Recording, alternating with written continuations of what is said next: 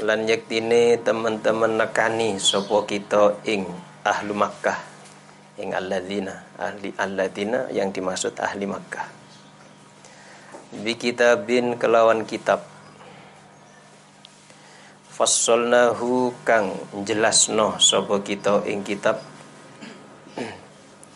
Fassalnahu kang jelasno sapa kita ing kitab. Ala ilmin kita jelasno mau ala ilmin.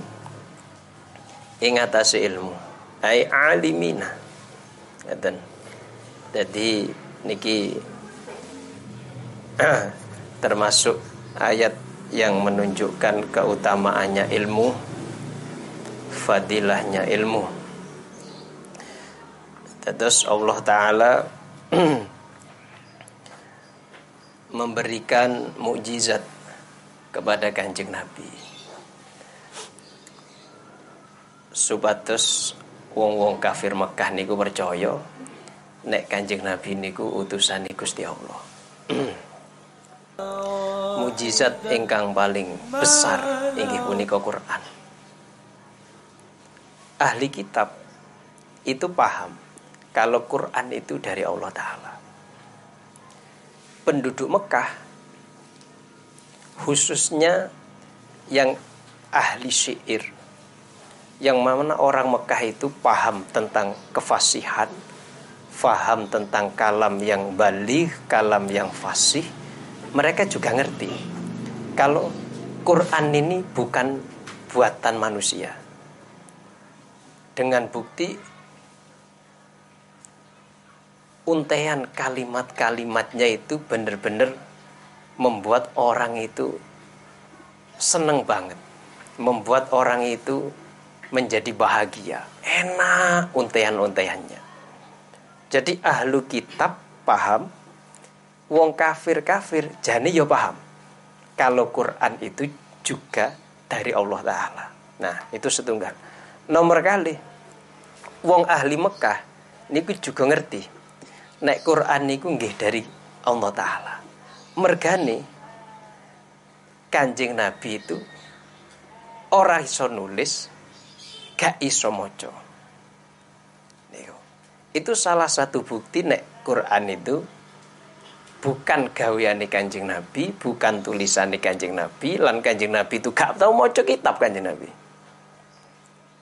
tidak pernah baca tulisan, tidak pernah baca buku sebelumnya. Buku apa aja kan Nabi gak pernah baca. Dan Ummiyatul Mustafa Sallallahu Alaihi Wasallam ini menjadi tanda bahwa Quran itu benar-benar dari Allah Taala. Lah, Allah nurunnya Quran itu untuk bukti nonek kanjeng Nabi itu benar.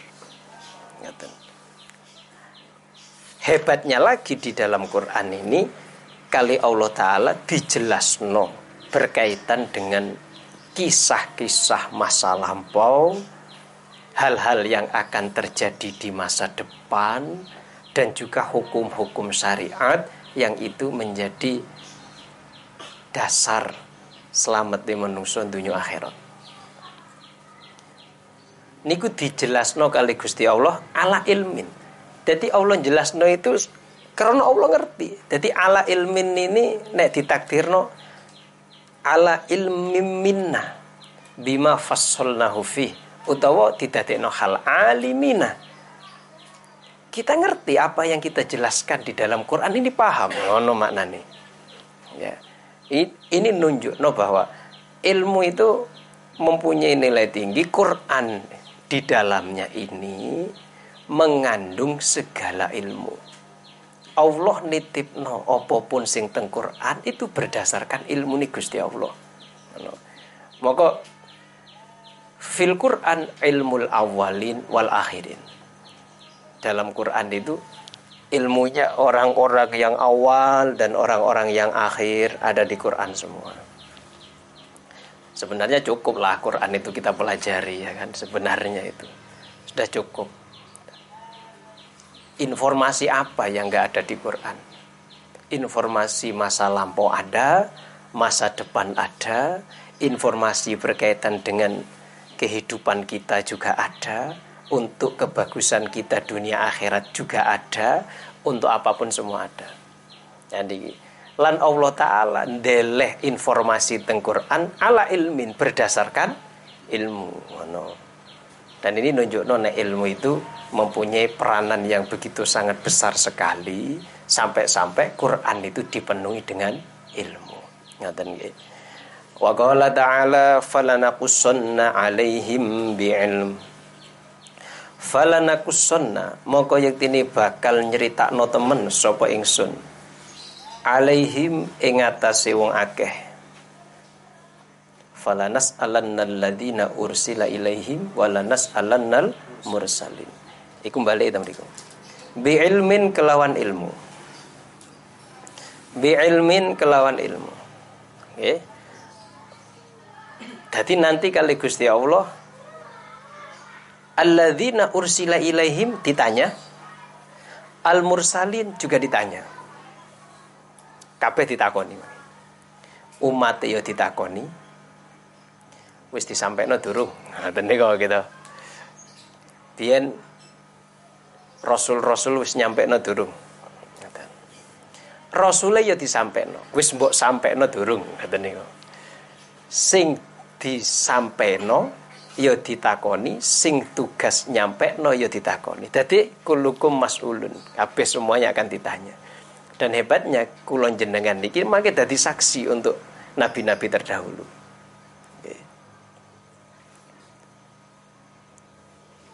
Kulon jenengan umat kanjeng nabi no saksi bagi nabi-nabi terdahulu bahwa mereka mereka telah menyampaikan risalahnya kepada umatnya. Iso saja nanti umat-umat sing nakal-nakal niku ngomongi oh, dereng ya Allah lho kan nggih. Sing nakal-nakal niku iso wae niku. Ada kemungkinan bisa mereka mengatakan belum, alasannya kan supaya selamat nggih. Ben gak apa-apa no. Nek gurung disampaikan kan mangke Allah taala kan mboten bakal nyiksa kan Gusti Allah gak kira nyiksa nek sadurunge kula jenengan ini ngerti syariat. Nek gak ana rasul gak masuk neraka. Pokoke nek ana wong urip nang gunung gak ngerti lingkungan, surga nih. Walaupun gak sholat, walaupun gak apa. Begitu. Mboten termasuk ahli neraka, mergane mboten termasuk tiang mukallaf istilahnya. Nung gak ngerti apa-apa, gak ngerti informasi, gak ngerti apa misalnya. Nah niki Iku mungkin keinginan mereka ya. Kok umpomo kok bersaksi palsu, padahal nang akhirat kok wani kesaksian palsu. Maka maki kulon jenengan niki menjadi saksi bagi umat-umat terdahulu, bagi nabi-nabi terdahulu bahwa mereka telah menyampaikan risalahnya. Gitu. Falanakus sonna alaihim bi ilmin. Nah, mungkin jenengan timbul pertanyaan. Lah Allah harus ngerti kok takon barang lapo loh kan falanas alan alladzina ursila ilaihim. Lah kok ditakoni barang wong wis taala wis ngerti. Kan wis ngerti Gusti Allah. Kok ditakoni barang lapo? Nah, ini. Jadi memang kadang pertanyaan itu tidak butuh dijawab. Termasuk ini, pertanyaan yang kayak gini ini. Wong wis ngerti kok. Ketika dijawab lapo le, wis paham misan ditakoni. Ini tujuannya taubih tujuannya ngelek-ngelek nyelo nyelo dumateng wong-wong kafir sing boten purun nrimo dumateng dakwah para nabi. Pertanyaannya kan gini nanti. Kan wis tak utus to nang awakmu para rasul. Nah ngoten niku kan lho. Pertanyaannya kan begitu. Bahkan sudah saya kirim kepada kalian para nabi. Ini kan pertanyaan tapi sebenarnya ini kan bukan pertanyaan ini. Ini nyelo lu wis tak kirim kok gak gelem? Iman kan ngoten ceritanya sudah saya kirimkan rasul sudah saya kuatkan dengan mujizat sudah saya berikan tanda-tanda bahwa rasul itu benar. Kok gak gelem? Iman. Asli ngoten kepingin nyelo tapi menggunakan kalimat tanya. Ngoten niku. Okay. itu nek timbul pertanyaan lapor ya Allah taala kok takon barang wong wis ngerti kok. Gini kok jawabane jadi taubih nyelo terus untuk meleh-meleh no, mempermalukan istilahnya. Lah nek para ulama tiang sae kok ditakoni kali Gusti Allah taala, iku tujuane muji, tujuane no, tujuane ngegungno. Nek tiang sae kok ditangleti kali Gusti Allah. Tujuane niki mulyakno dhek, ngapi ide, memuji dhek. Niku benten-benten kadang pertanyaan supaya wong ngerti kabeh iki lho wong apik. Lho ngoten kan gitu. Iki lho wong apik. Nek gak ditangkelti kali Gusti Allah taala mboten semerap niki wong-wong nek tiyang sae ngoten. Mongko ben Allah banggakno tiyang niku kali Gusti Allah sing apik ditakoni sing elek ya ditakoni pertanyaannya sama tapi tujuannya berbeda. Ngoten niku.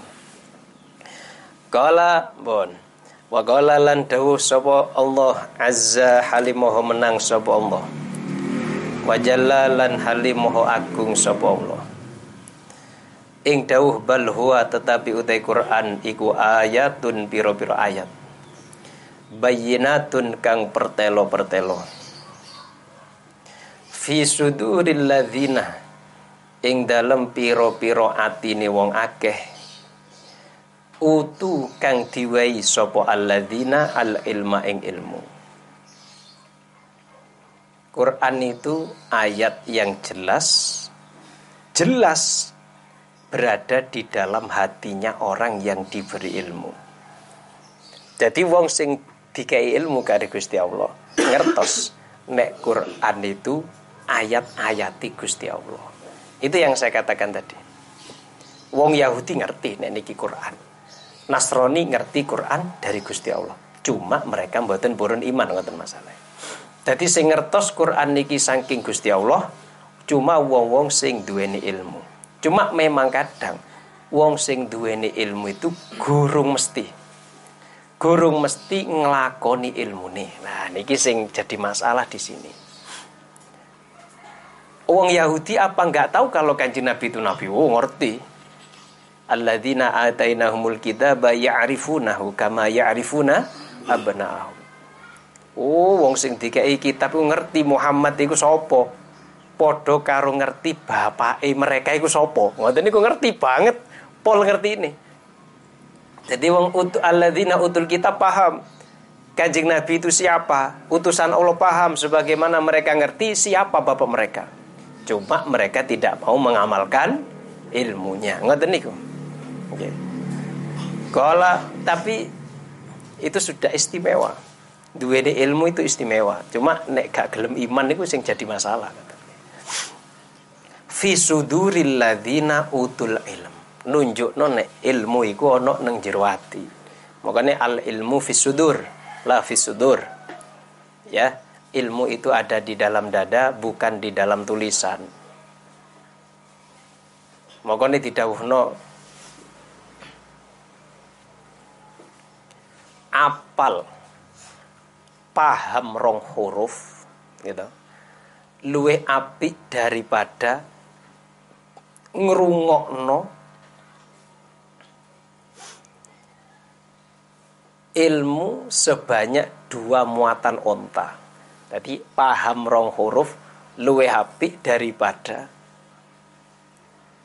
ngerungokno dua muatan unta. Kitab dimuat unta, rong unta kebak kita pernah meriwayatkan ini semua dari masayah masayah banyak, tapi gak paham. Lu api paham luru. Niku. Nenek sing boten paham berarti ilmu fisutur nih. Ilmune ono neng kitab, ono neng tulisan. Tulisan hilang, wasalam. Gitu. HP hilang, wasalam. Laptop hilang, wasalam wis. Kayak ngoten niku. Mergane al ilmu fisutur ini. Ilmu ada di dalam tulisan, tidak ada di dalam hati.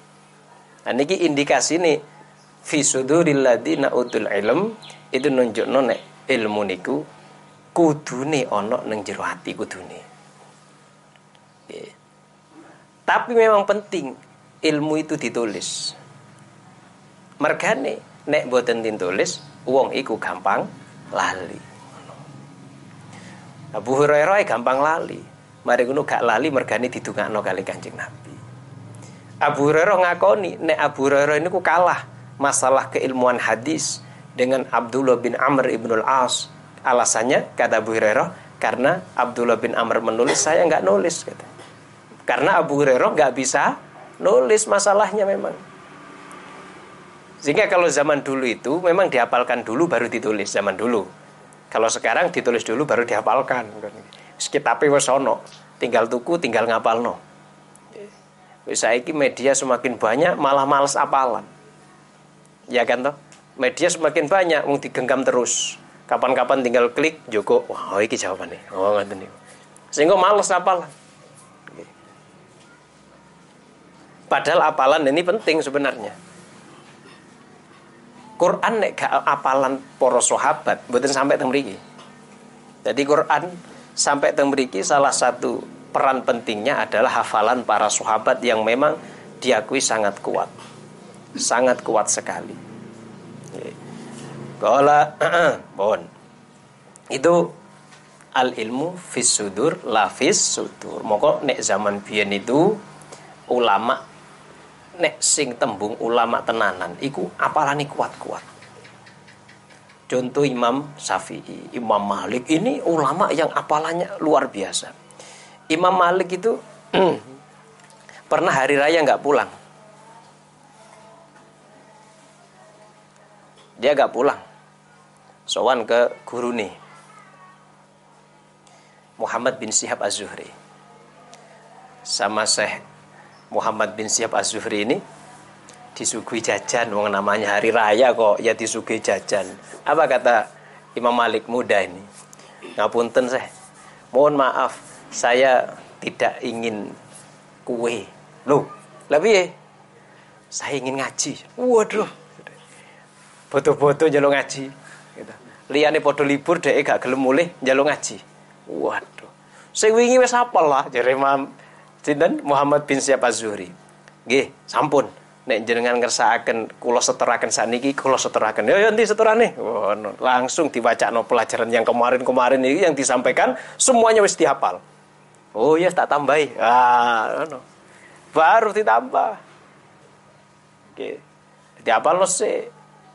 Itu itu Imam Malik. Imam Syafi'i, wah jangan jangan tanya kalau hafalannya Imam Syafi'i itu. Ya. Sampai-sampai Imam Malik mengatakan saya kunulaka sya'nun azimun. Wah, engkau ini akan jadi orang besar katanya Imam Malik melihat betapa kuatnya hafalannya Imam Syafi'i.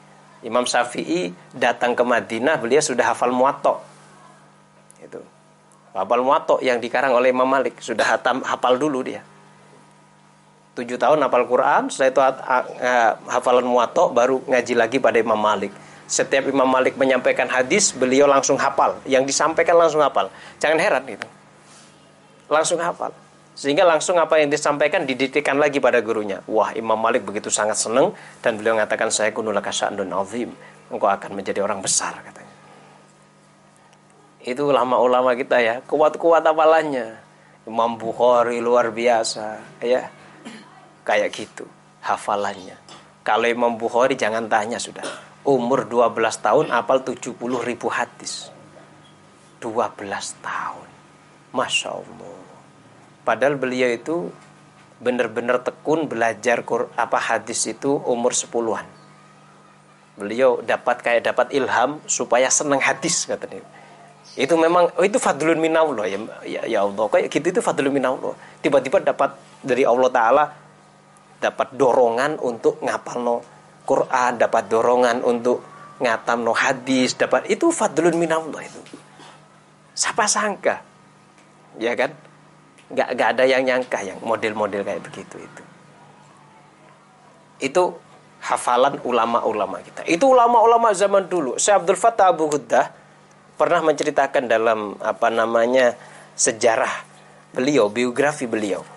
Ya, namanya saya lupa bio, kitab biografi nah biografi Syekh Abdul Fattah Abu Ghuddah Asyada Al-Fawwah ya fi tarjamati Syekh Abdul Fattah Abi Ghuddah nah, itu insya Allah namanya beliau menceritakan beliau punya guru yang ada di daerah Pakistan atau India itu hafalannya luar biasa kuatnya sampai-sampai beliau ini ngomong gini wah saya melihat guru ini saya nggak heran Kenapa?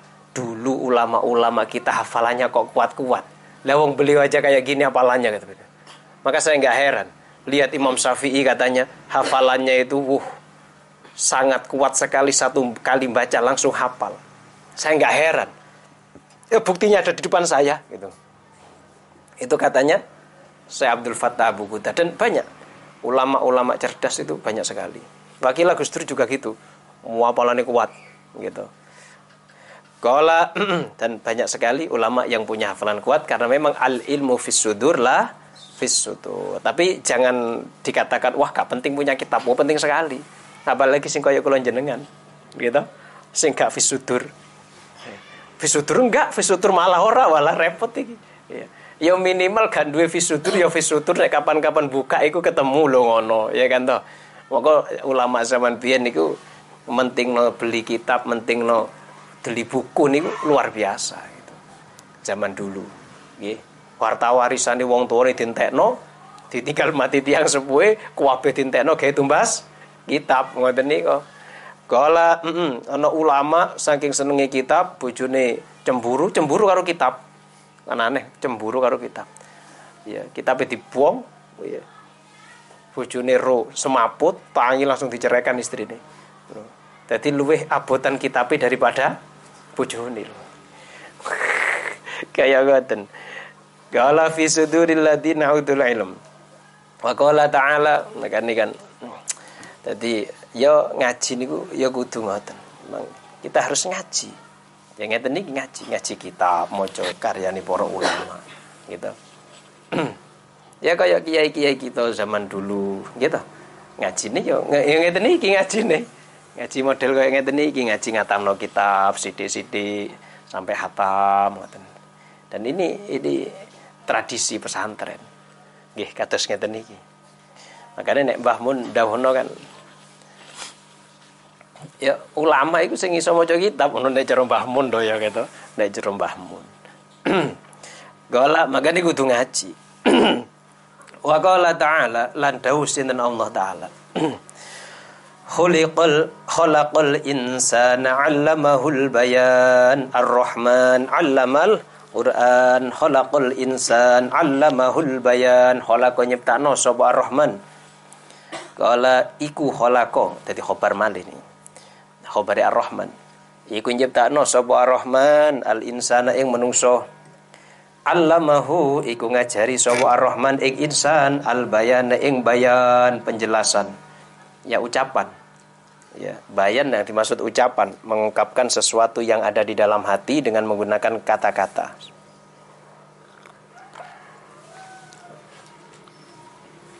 wa inna madzakara lan angin pestine nutur sapa Allah taala Dalika ing mengkono-mengkono dawuh allamahul bayan fi ma'ridil imtinan ing dalem nggon pementone ngundat-ngundat. Fi ma'ridil imtinan ing dalem nggon pementone ngundat-ngundat. Ngundat-ngundat itu mengungkit-ngungkit nikmat. Eh, nikmat Allah sing paling gede niku pertama nikmat nggih jenengan delok urut-urane Ar-Rahman Allamal Quran. Khalaqal insan. Jane niku Gusti Allah iku nyiptakno menungso dhisik, baru setelah itu Allah ngajari menungso Quran. Tapi sing disebut mboten khalaqal insan dulu. Ar-Rahman duduk khalaqal insan, Allamahul bayan. Mboten ngoten. Tapi Ar-Rahman allamal Quran. Apa iki nunjukno napa nunjukno nikmat sing paling gede niku nikmat diajari Quran. Duduk nikmat diciptakno. Diciptakno tapi gak ngerti Quran. Apa fungsine? Diciptakno tapi tidak memahami Quran. Diciptakno tapi gak percaya Quran. Apa fungsinya? Jadi memiliki Allah nyiptakno nikmat yang paling besar sekali yaitu nikmat iman bil Quran nikmat paham Quran. Nikmat penciptaan setelah itu wonten nikmat diajari. Allah lu sing ngajari niki. Berarti Allah sah disebut al-muallim al-awwal. Pendidik pertama niku Allah taala. yang ngajari pertama kali. Pakai kalimat Allamahul bayan. Allah ngajari menungso Quran, ngajari cara mengungkapkan apa yang ada dalam hati. Bayangkan sampean kalau sampean tidak bisa mengungkapkan apa yang ada dalam hati. Bagaimana coba? Sulit itu. Anak kecil bisa mengungkapkan apa yang ada dalam hati. Kadang tidak menggunakan ucapan tadi dengan menggunakan isyarat. Bayangkan kalau kita hidup punya keinginan banyak, ingin itu, ingin ini, tapi kita tidak bisa mengungkapkan. Labil balan, walabil harokat. Ucapan gak bisa, gerakan juga gak bisa. Ini dengan kalimat Allah mahul bayan. Ini lebih luas daripada sekedar ucapan. Maka kalau ditafsiri al-bayan dengan al-kalam ini menurut saya sih ini ada penyempitan. Ada penyempitan karena memang kebanyakan nanti bayan itu ditafsiri dengan al-kalam. Ditafsiri dengan ucapan. Tapi ini ada penyempitan. Krono untuk mengungkapkan apa yang di dalam hati itu tidak harus menggunakan ucapan. Bisa dengan isyarat, bisa dengan gerakan, bisa dengan apa pun. Bagi orang yang tidak punya pembicaraan, tidak bisa ngomong, itu tidak bisa dia mengungkapkan dengan ucapan, tapi bisa mengungkapkan dengan isyarat. Maka sing pas yo al bayan kita maknani bayan saja, jangan dimaknani kalam, gitu. Jadi Allah yang mengajari manusia untuk mengungkapkan apa yang ada dalam hatinya, untuk menjelaskan apa yang ada dalam hatinya dengan ucapannya, dengan tulisannya, dengan gerakannya, dengan isyaratnya, gitu. Ini luar biasa ya. Nah, begini, kita pikir kadang, oh iya ya. Maka lebih lebih cocok ini kita maknani bayan saja, penjelasan, jangan maknani kalam. At-tabir amma fil qalb. Ngoten sahabat, ngoten mawon wis. Jadi mengungkapkan apa yang ada di dalam hati. Jangan dikatakan al-kalam. Betul. Kalam itu terlalu sempit nanti. Nah, nih. Jadi al muallimul awal Allah taala sing nyiptakno Allah, sing ngajari Allah. Di sini ini ayat nih, tiga ayat, empat ya. Ar-Rahman, Allamal Quran, Khalaqal Insan, Allamahul Bayan. Ini lengkap ada unsur-unsur pendidikan di sini. Ada beberapa unsur pendidikan yang sudah lengkap di sini. Yang pertama adalah al-muallim, yaitu Allah sendiri. Yang kedua yang diajarkan yaitu Quran. Yang ketiga al-muta'allim yaitu al-insan.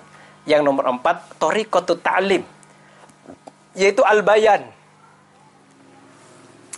Inilah unsur-unsur pendidikan yang paling penting. Punya guru, ada guru, ada murid dan ada yang diajarkan.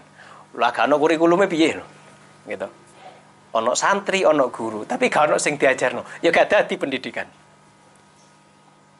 Terus yang paling penting adalah manhajut ta'lim, manhajut tarbiyahnya.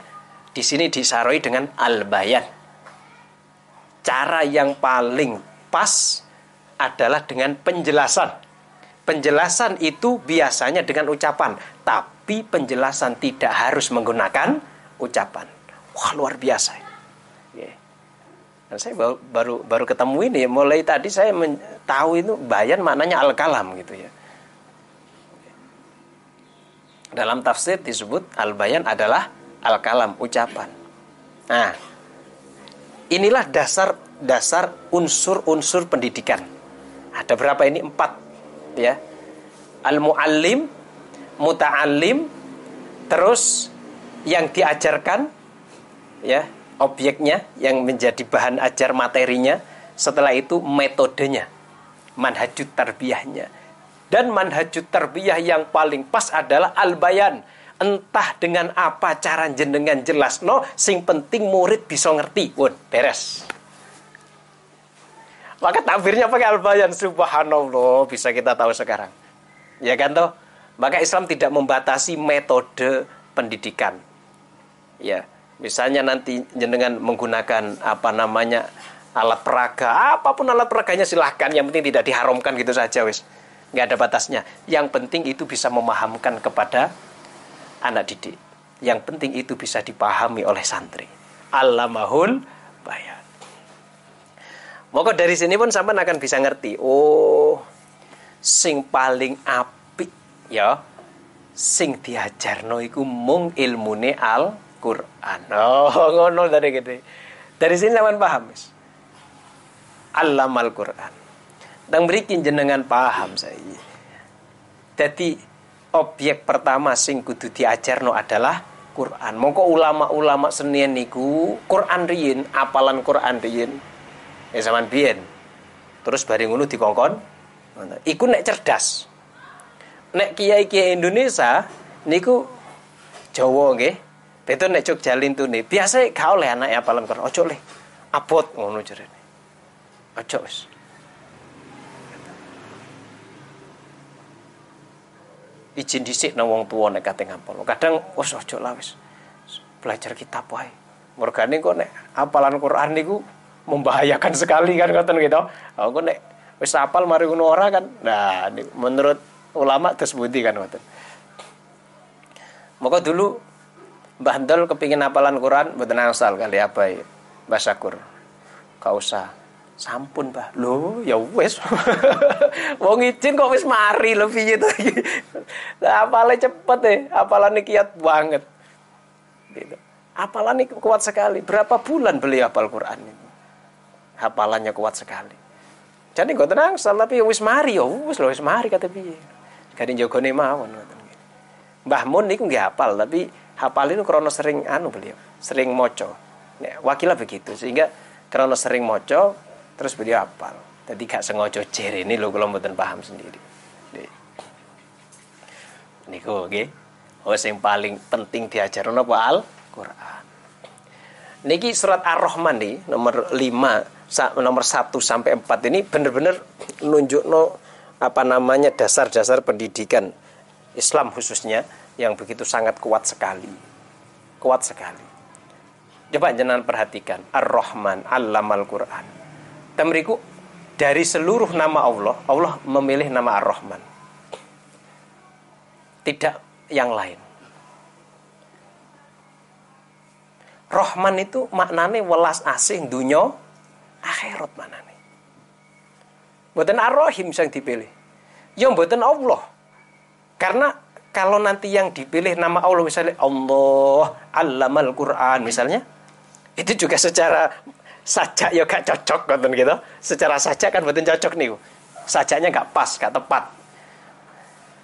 Nama Allah ini akan mencakup seluruh apa istilahnya sifat-sifat Allah akan tercakup semua. Ketika kita mengucapkan Allah maka yang muncul di situ adalah zat yang punya nama sekian sekian sekian sekian. Punya sifat ini ini ini. Tidak itu. Yang dipilih Ar-Rahman karena apa? tujuannya adalah dalam pendidikan itu yang ditonjolkan adalah sifat kasih sayang. Lan kasih sayangnya bukan cuma di dunia, tapi dunia akhirat. Makanya pakai ar-Rahman. Maka pengajar itu pendidik harus punya sifat kasih sayang. Harus itu. Harus punya sifat kasih sayang. Iku isaro itu meriki. Jadi makanya kula iku biyen kepingin gawe tafsir terbawi istilahnya, tafsir pendidikan. Wis kula gawe tapi seentuk pira leren wis. Suwi niku. Jadi nilai-nilai pendidikan Islam dalam Quran itu kayak apa? Pun kalau mulai jane tapi seentuk pirang ayat wis leren meneh. Wis empun iki. Istiqomah gitu. Wah, ini Perkara dalam Quran itu benar-benar sangat banyak sekali nilai-nilai pendidikan gitu ya. Saya punya tafsir namanya At-Tafsir At-Tarbawi kalangannya Anwar Al-Bas tapi ternyata di dalamnya tidak menyinggung tentang masalah-masalah pendidikan. Gak disinggung. Maka di sini kadang kita wah senang sekali ternyata di Quran ini luar biasa ya. Memang Quran itu turun untuk di, diajarkan kok. Maka perlu sangat banyak mengandung sekali unsur-unsur pendidikan dalam Al-Quran. Nah ini maka dikatakan fil Quran ilmu awalin wal akhirin benar. Walaupun itu kadang secara global kita tinggal mengembangkan dasarnya ada di Quran. Sudah ada ini dasarnya. Allah mahul bayan. Ya kita dalam memberikan pendidikan ya opo supaya santri itu paham. Santri itu ngerti. jelaskan. Bagaimana penjelasannya? Itu diserahkan kepada masing-masing pendidik. Silahkan. Yang penting santrinya ngerti. Bagaimana caranya terserah. Itu ar-Rahman. Makanya jadi pendidik syarat utamanya adalah punya sifat kasih sayang. Sak nakalo santri sak bleko santri wis lah. Kudu tetep. Kaya Kanjeng Nabi ngoten. Kasih sayangnya kan luar biasa. Kanjeng Nabi itu. Jenengan ngerti Kanjeng Nabi duka sangat ketika Hamzah sedon. Sing mateni sinten? Sing mejahi niku Wahsy. Dipejahi bukan cuma dipejahi tapi dimutilasi bahkan cara membunuhnya ini apa istilahnya curang istilahnya. Dilempar dari belakang. Dilempe jerojo waktu perang ditombak dari belakang. Waktu dia berduel ditombak dari belakang. Ya. karena memang disuruh oleh Hindun dia. Dan dadanya disobek sama Hindun dikemah-kemah. Marah besar kan Nabi. Okay.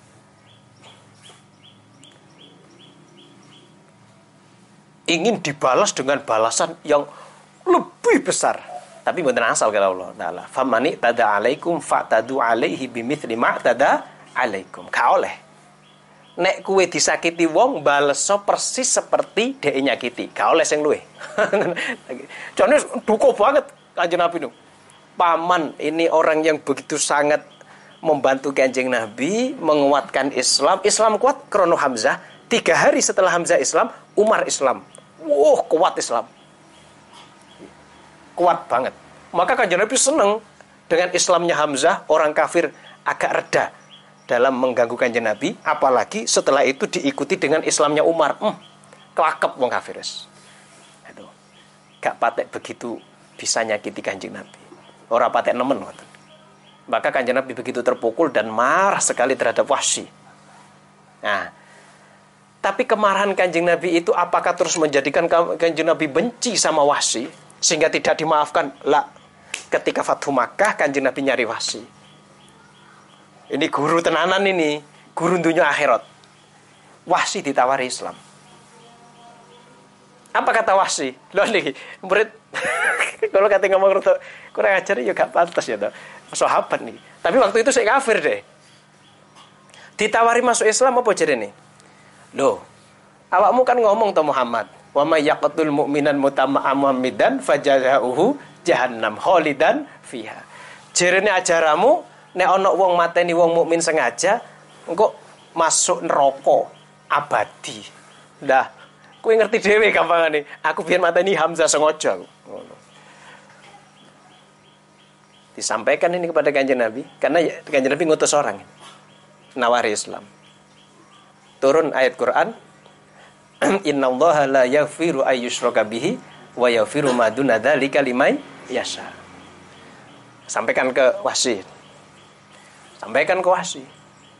Hmm. Iya nek aku kok di ngapura, nek ora jare wasi. Lho kan wa yaghfiru ma duna tapi limai yasha. Wah, enggak aku mau kurang kurang spesifik ya jadi Jadi wasi. Sampai nonen Muhammad yo kok aku di ngapura nek ora piye iki coba cara jenengan. Iki biyen mateni pamanku lho ngoten saiki wis ditawari api-api kok ngeyel banget. Kanjeng Nabi tuh kok mboten mboten kok kanjeng Nabi. Itu loh ini pendidik dunia akhirat ini. Subhanallah kita mau niru angel. Santri doa blok blok itu itu nggak nol lah wis lari-lari temu ilmu ini manfaat gitu barokah nih usahakan adu-adu gitu. Niku ngoten niku. Lah ngoten ngoten disampaikan niki teng Kanjeng Nabi, turun ayat. Qul ya ibadiyalladzina asrafu ala anfusihim la taqnatu mir rahmatillah. Wes. Ah, sampaikan ke wasi. Wahai orang wahai hamba-hambaku yang apa namanya bermelampaui batas kepada dirinya sendiri, jangan putus asa dari rahmat Allah Ta'ala. Oh iyalah wis, aku masuk Islam, jadi dewasi. Itulah nih, betapa sabarnya kanjeng Nabi ngadepi orang yang dulu pernah membunuh paman kanjeng Nabi. Ini luar biasanya gitu. Subhanallah, kadang kita nek delok kanjeng Nabi begitu sangat belas asihnya kayak gitu, maka itulah saya kira yang menjadi dasar kenapa kanjeng Nabi berhasil dalam pendidikannya. yaitu jiwa yang penuh dengan kasih sayang kepada para santri, kepada anak didik. Kasih sayang luar biasa. Wasi. Jangankan pamannya yang dibunuh, kanjeng Nabi mau dibunuh aja kanjeng Nabi maafkan kok. Namanya Fadolah bin Umar. Waktu itu kanjeng Nabi sedang tawaf di keliling Ka'bah. Fadolah bin Umar ini mau bunuh kanjeng Nabi. Dalam hatinya mau tak bunuh Muhammad. Kanjeng Nabi tahu. Kanjeng Nabi langsung menyapa Fadolah. Ah, Fadolah ta ini? Naam ya Rasulullah. Apa yang ada dalam hatimu kata kanjeng Nabi? Oh nggak ada kanjeng Nabi saya berzikir kepada Allah. Padahal kepingin mata di kanjeng Nabi. Nggak ada kanjeng Nabi saya berzikir kepada Allah. Kanjeng Nabi guyu. Kanjeng Nabi guyu, astagfirullahalazim kata kanjeng Nabi. Kanjeng Nabi guyu sambil mengucapkan astagfirullahalazim. Kanjeng Nabi letakkan tangannya di dada Fadolah. Boten marah kanjeng Nabi kata ini, boten ngamuk kanjeng Nabi. Nggih, tangan kanjeng Nabi diletakkan di tangan di dada Fadolah. Kanjeng Nabi berdoa kepada Allah Taala. Apa kata Fadolah? Demi Allah, ya, saat kanjeng Nabi meletakkan tangannya di dada saya, tidak ada orang yang paling saya cintai di muka bumi ini selain kanjeng Nabi. Padahal sebelumnya Muhammad ini orang yang paling saya benci di muka bumi ini. Saat itu langsung berubah menjadi orang yang paling saya cintai di muka bumi ini. Allah, itu kita ya opo ngeten gitu. Santri kadang kurang ajar ngoten niku. Dongakno wae. Ampun malah kita omeli ampun ditungakno sing apik. Nggih. Kalau diarahkan ya kudu diarahno kan nggih. Waktu donga ana dhewe ngoten gitu. Kados kaya ngoten niku. Niku golek guru sing kaya ngoten niku kan angel. Angel golek guru yang perhatian sampai sedetail mungkin. Sampai model. Kanjeng Nabi ini luar biasa pokoknya cara didik seperti Rasulullah ini yang harus kita terapkan karena pendidikan yang paling sukses itu pendidikan yang dilakukan oleh Rasulullah. Ini yang perlu kita terapkan dan harus kita gali terus metode pendidikan ala Rasulullah ini. Jangan berhenti. Jangan hanya kita gali dari teori barat saja. Jangan, itu itu ya, silahkan. Tapi hadis kita gali terus juga.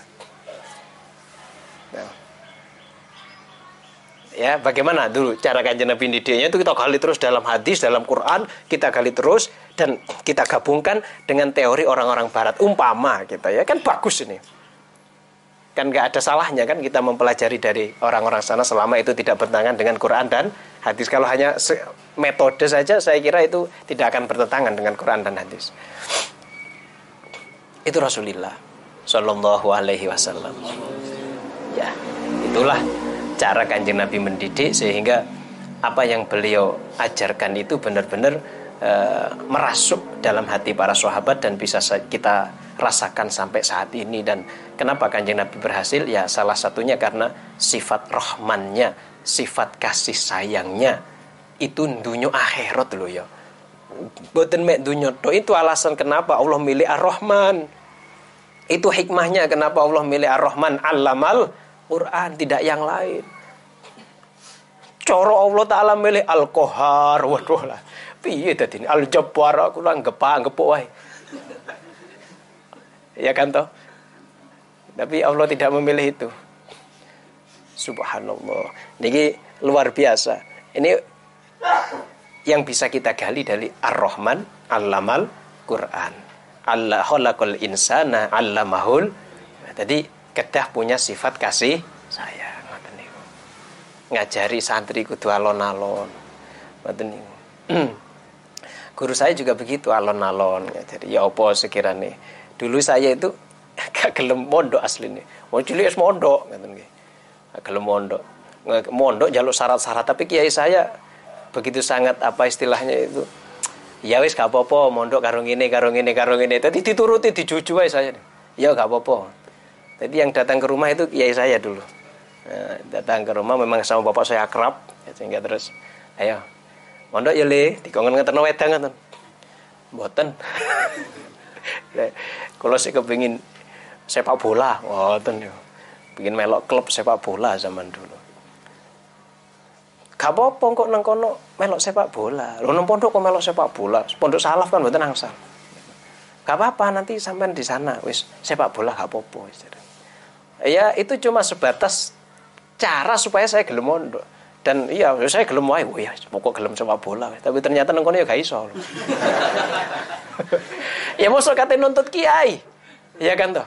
Ya nih kan masuk ke pesantren yang di situ wow kiai sudah sangat luar biasa. Kita interaksi sama kiai sowan aja nggak ada yang berani. Nggak ada sowan berani zaman dulu. Saya waktu kecil berani sowan memberikan apa barang dari orang tua kasihkan ke kiai itu teman-teman saya sama kaget semua. Kok wani kok wani gitu? Kok cek wani ini?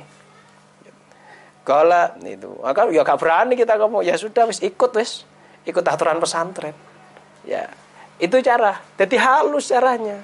Gak langsung, oh yuk kau oleh. Mau mondok kok. Saya apa pula yuk oleh. Lo ada jangan Venus sih wes masuk sih. Ya, anak modok misalnya masuk ke sini tatuan, beno jadi ditolak. Masuk mantingan beno. Oke. Bajune wuh gambar tengkorak barang. Kadang kaya ngoten niku. Beno wis masuk dhisik gak apa-apa benos sih engkau lama kelamaan kita ajari sini sini kan ngerti dewe itu itu caranya. Alon-alon pelan-pelan. Jangan langsung kaku. Kan nabi gak begitu caranya. Itulah kenapa Allah pilih ar-Rahman. Memberikan isyarah kepada kita dalam mendidik kita harus punya sifat kasih sayang. Kanjeng Nabi begitu? Gak pernah kanjeng Nabi marah. Itu bagda orang yang bodoh. Kanjeng Nabi gak ngarah. Santri kan bodoh. Dia namanya Nah kalau jenengan kan santri ini bagi guru kita, kita orang bodoh nggak ngerti apa-apa, maka begitu. Tapi kalau orangnya itu ngerti, kok melakukan kesalahan, kajian Nabi marah banget. Kalau orang bodoh melakukan kesalahan, kajian Nabi tidak akan marah. Tapi kalau yang melakukan kesalahan itu orang sudah ngerti, marah sekali kanjeng Nabi. Ketika orang Arabi kencing di dalam masjid, kanjeng Nabi marah, lah Gak marah kanjeng Nabi. Bahkan sahabat mau marah dilarang sama kanjeng Nabi. Biar biar biar biar biar selesai dulu. Cur selesai. Ya kan. Dalam satu riwayat ini si Arabi karena marah sama sahabat karena mau dimarahi, dia doa ya Allah, Allahumma arhamni wa Muhammadan wala tarham wala tarhamna wala tarham ma'ana ahadan. Saking pegeli ini. Ya Allah, kasihani saya dan Muhammad. Jangan kasih siapa pun bersama kami. Oh. Eh, jadi kajian Nabi, ndonga iku kowe iku membatasi rahmat Allah sing begitu besar. Aja ngono nek ndonga. Ya saking dhek niku pegel liyane ngoten. Kali sahabat lintune mergane kate diamuk. Kanjeng Nabi mboten. Aja aja aja jarnos. Tuh. Ketika Muawiyah bin Hakam melakukan kesalahan di dalam sholat dia ngomong, kanjeng Nabi gak marah. Padahal sahabat yang lain marah. Mau sholat kok ngomong? Muawiyah bin Hakam itu. Yang lain marah sahabat. Kanjeng Nabi setelah sholat nggak marah. Bahkan katanya Muawiyah bin Hakam, Wallahi, saya tidak pernah melihat seorang pendidik pun yang lebih lembut dari kanjeng Nabi. Beliau tidak membentak saya, tidak menghardik saya, tidak mencaci saya. Beliau cuma mengatakan, Ya Muawiyah, inna sholata, sesungguhnya sholat ini, la yang bagi fiha illal Qur'an awit tasbih ada gitu. Hei Muawiyah, dalam sholat itu nggak layak kecuali Quran dan tasbih. Artinya nek omong-omongan boten angsal ngono nih. Kanjeng Nabi ngoten tok. Sampai Muawiyah itu terkesan banget dengan dawuh Kanjeng Nabi. Itulah cara kita untuk mendidik memberikan pendidikan kepada anak didik kita, kepada santri, kepada apa murid, kepada mahasiswa, kepada siapa pun dasari pendidikan itu dengan kasih sayang. Ini yang paling penting. Jangan dasari itu dengan dengan materi, dengan jangan itu. Itu karena ini akan kalau kita nanti nggak dapat materi nggak mau ngajar itu. Jangan. Dasari ini dengan kasih sayang. Kasih sayang kepada orang-orang yang sedang haus pendidikan, yang sedang ingin mendapatkan pencerahan, kasih mereka.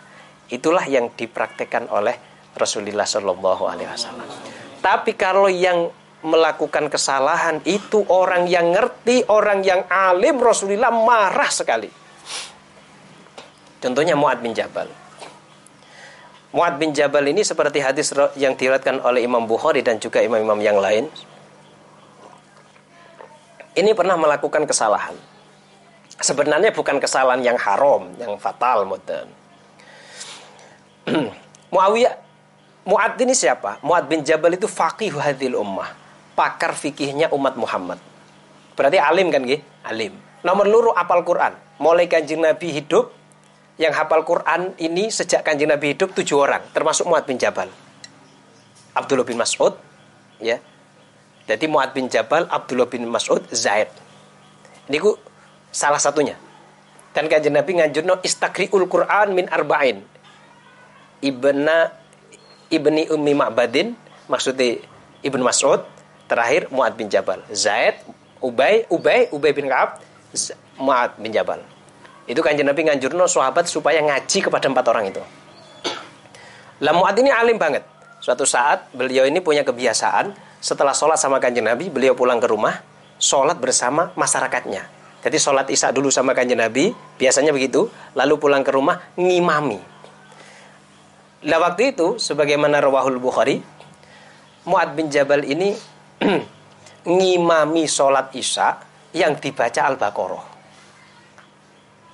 Rong jam gak mari itu. Baqarah. Tertentu gak mari rong jam gimana nih? Eh. Baqarah. Sing buri niki wonten salah setunggali sahabat. Gremeng wae nang jero ati ini aku iki teko sawah. Gampangane ngoten. Baru saja dari ladang. Capek-capek. Banyak kebutuhan banyak hajat. Mau coba koroh mufarokoh deh. Mufarokoh. Apa yang terjadi ketika mufarokoh? Bayangkan. Ketika zaman dulu kok mufarokoh apalagi itu sholat isya dituduh munafik. Karena kanjeng Nabi pernah bersabda sholat yang paling berat bagi orang munafik adalah sholat isya.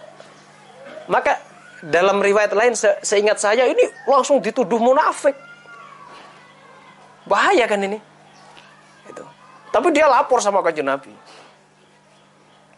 Ya Rasulullah, saya itu kerja di ladang ya Rasulullah. Nah terus saya sholat sama Mu'ad, dia kok baca Bakoro. Ya saya misah ya Rasulullah. Kesuwen. Apa kata kanjeng Nabi? Mu'ad dipanggil. Duko kanjeng Nabi. Afatanun anta ya Mu'ad. Afatanun anta ya Mu'ad. Afatanun anta ya Mu'ad. Apa engkau mau menfitnah wahai Mu'ad? Apa engkau mau menjadikan orang-orang itu lari dari agama Allah? Apakah engkau ingin menjadikan orang-orang itu tidak menyukai syariat Allah? Kamu kan ngoten. Ditukahan ini Mu'ad tentean. Eh, karena apa ini membahayakan ini? Kalau engkau sholat, mu'ad di belakang kamu itu ada orang yang lemah, ada orang yang punya hajat, ada yang tua, ya kan? Bacalah sabihis marobikal a'la. Atau yang seperti itu kata Rasulullah. Cuk tua-tua kata Nggih, bakoroh le. oh, mati. Maka anjuran kanjeng Nabi sabihis marobikal a'la atau semisal itulah gitu. Semisal itu sabihis marobikal a'la.